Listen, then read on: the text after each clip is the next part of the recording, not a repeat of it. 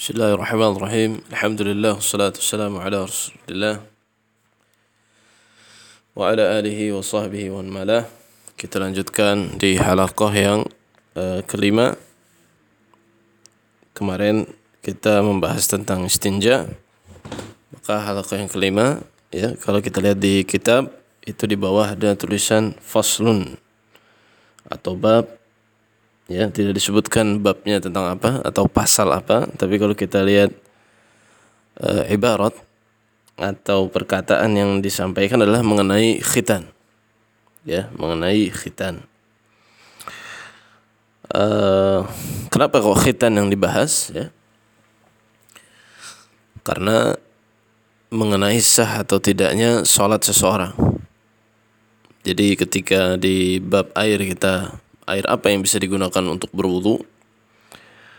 Lalu di istinja juga terkait ya biasanya orang ketika mau sholat ya biasanya uh, buang air dulu sehingga perlu mengetahui apa hukum istinja sehingga badannya suci dari najis ya. Lalu juga yang terkait dengan diri seorang tersebut. Apakah dia ya sudah dikhitan atau belum biasanya khitannya disebutkan bersama dengan siwak ya. Dan disebutkan dengan sunnah-sunnah yang disebut dengan sunnah-sunnah fitrah. Tapi karena kitab ini ringkasan jadi hanya disebutkan yang paling penting yang paling penting bagi seorang mengetahuinya. Karena siwak hukumnya sunnah. Dalam artian kalau orang tidak bersiwak tidak masalah. Begitu juga tentang bejana masalah bejana. Biasanya setelah masalah air disebutkan masalah bejana. Tapi di sini tidak ya, karena uh, di zaman sekarang kekinian sangat jarang orang yang memakai bejana dari emas untuk berwudu atau juga sangat jarang yang memakai bejana dari kulit binatang ya kan? Karena sekarang uh, kebanyakan orang dari plastik ya atau keramik. Sehingga mungkin uh, penulis di sini atau musannif yang meringkas dalil talib ini melihat mungkin untuk menunda atau e, menunda atau tidak menyebutkan masalah bejana di kitab yang ringkas ini ya sehingga seorang pembelajar langsung menuju hal yang menurut beliau lebih penting dari masalah tersebut. Nah, mungkin masalah bejana bisa dicari atau dipelajari di kitab lain ya atau di pengajian lain dan sebagainya. Kita langsung mulai. Bismillah. Uh, musannif ya. Al-khitanu wajibun 'ala dzakari wal unsa al-bulugh. Al-khitanu wajibun 'ala dzakari wal unsa 'inda al-bulugh. Al-khitan ya, khitan ya. Atau yang sering kita kita dibahas kita biasanya uh, sunat ya kan di bahasa kita biasanya apa su sunat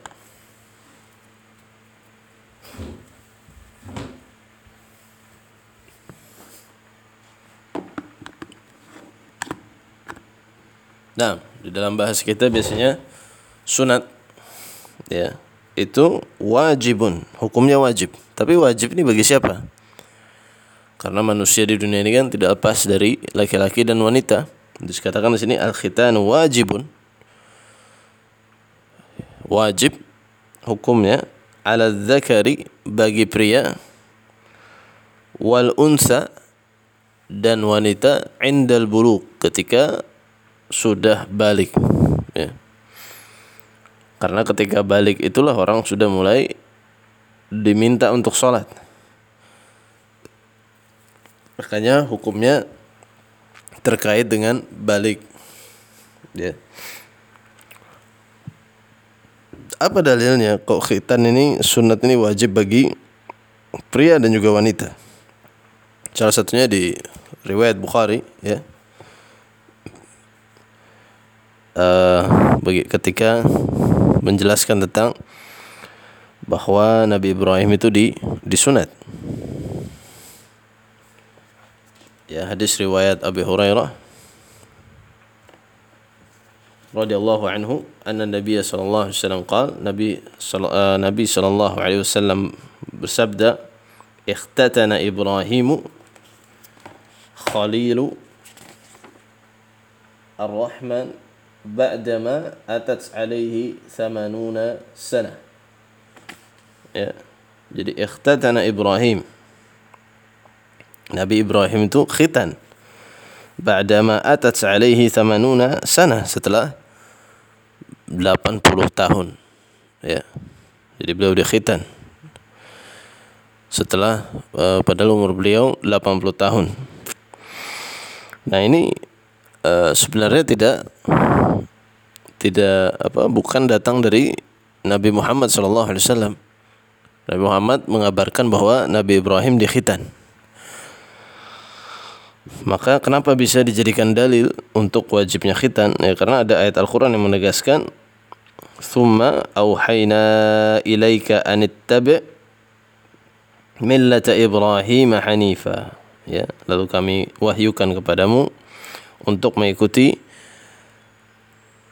millah Ibrahim yang lurus. Jadi kita diperintah untuk mengikuti uh, ajaran-ajaran Nabi Ibrahim kecuali kalau memang di ajaran kita ada yang sudah diganti atau tata caranya berbeda tapi kalau tidak, ya maka kita ikuti.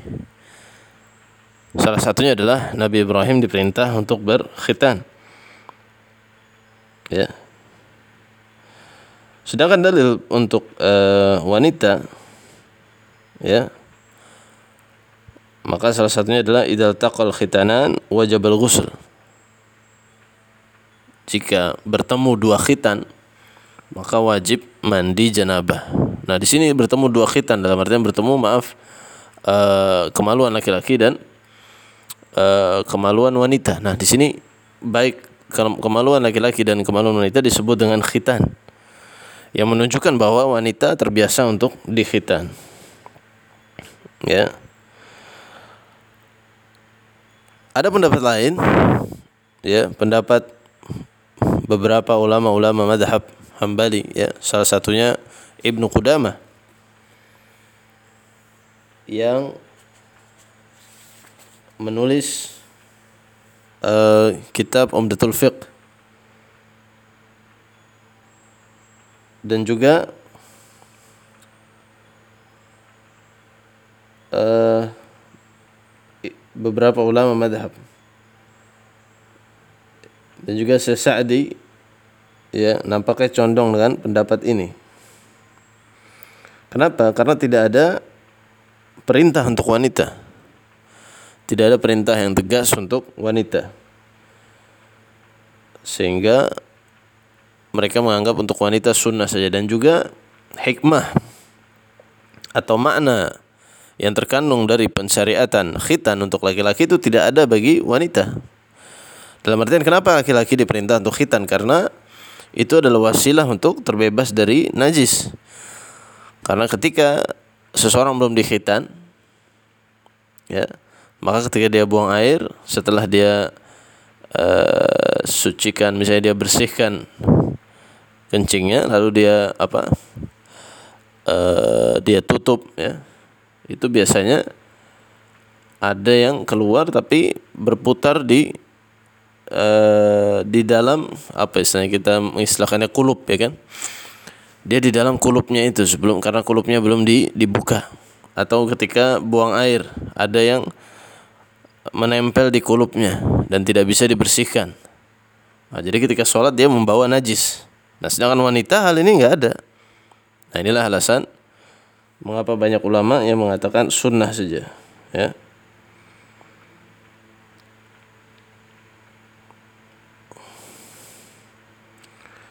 Nah,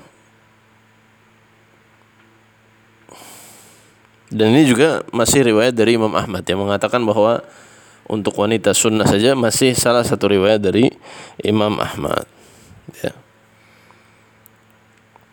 Maka Allah alam ya, insyaallah yang lebih kuat adalah eh, laki-laki uh, wajib dan wanita sunnah.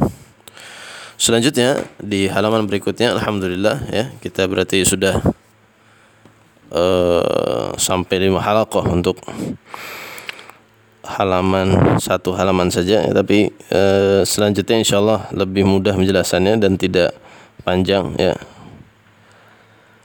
Kita masuk ke halaman berikutnya yaitu halaman di sini tertulis halaman 20 ya kan? Nah halaman 20 babul wudu bab berwudu. Saya bacakan wajibatuhu at-tasmiyah faqat.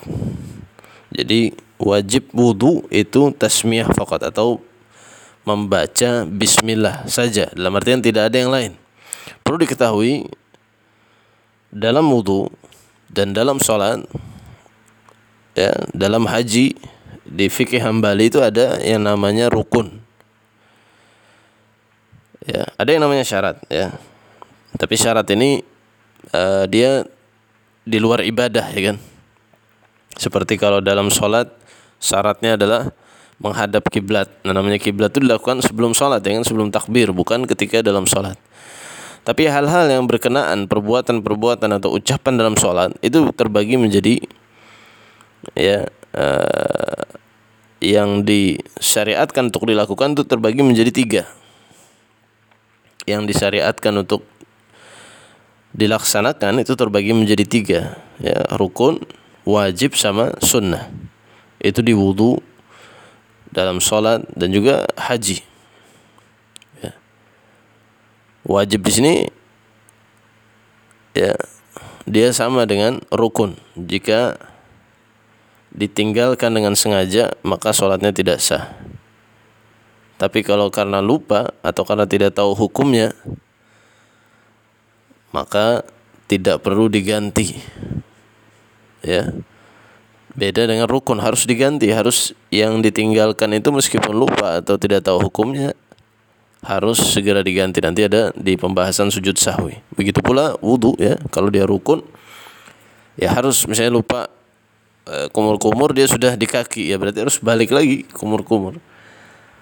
Nah, sedangkan wajib kalau lupa ya sudah ya dimaafkan.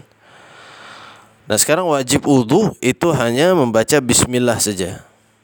Jadi kalau meninggalkan uh, Bismillah secara sengaja, sholatnya tidak sah. Karena tadi saya singgung apa persamaan wajib dan rukun di dalam wudhu, sholat dan juga haji e, kalau haji mungkin berbeda. Nah, afwan, dalam wudhu dan sholat meninggalkan wajib dengan sengaja, maka itu membat apa? Membatalkan ibadah. Ya, membatalkan wudhu dan sholat. Ya. Nah, hanya saja kalau wajib jika lupa atau tidak tahu hukumnya, maka dia diuzur. Tapi kalau rukun jika lupa atau tidak tahu hukumnya maka tidak diuzur dalam artian ibadahnya tidak tidak sah. Ya. Nah, apa dalilnya kok bismillah ini wajib? Mungkin dulu kita belajar bismillah ini sunnah gitu kan. Dalilnya adalah uh, An Abi Hurairah radhiyallahu an qala qala Rasulullah sallallahu alaihi wasallam Rasulullah sallallahu alaihi wasallam bersabda la wudu'a liman lam yadhkur ismallahi alaihi tidak ada wudu liman. Lam yadhkur ismallah alaih. Tidak ada wudu bagi orang yang lam yadhkur yang belum yang tidak menyebut ismallah alaih. Menyebut nama Allah ketika berwudu. Hadis ini dikeluarkan oleh Ahmad Imam Ahmad dan Abu Daud. Ya hanya saja beberapa ulama meneliti bahwa sanatnya dhaif. Sanatnya dhaif. Sehingga yang yang mengatakan sanadnya dhaif mereka mengatakan bahwa bersmilah dalam wudhu ini tidak sampai apa? Tidak sampai wajib. Sunnah saja. Dan ini insya Allah yang lebih tepat hukumnya sunnah saja. Nah, selanjutnya furuduhu sittah. Rukunnya ada enam.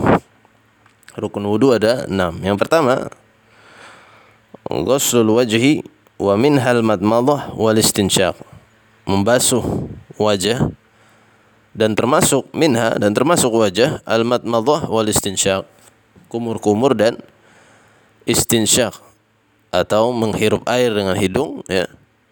Lalu menghembuskannya, mengeluarkannya, ya. Dan insyaallah uh, rukun wudu akan kita bahas di pertemuan berikutnya dengan uh, lebih detail. Kita cukupkan di sini. Wassalatu wassalamu ala nabiyina Muhammad wa ala alihi wa sahbihi ajma'in.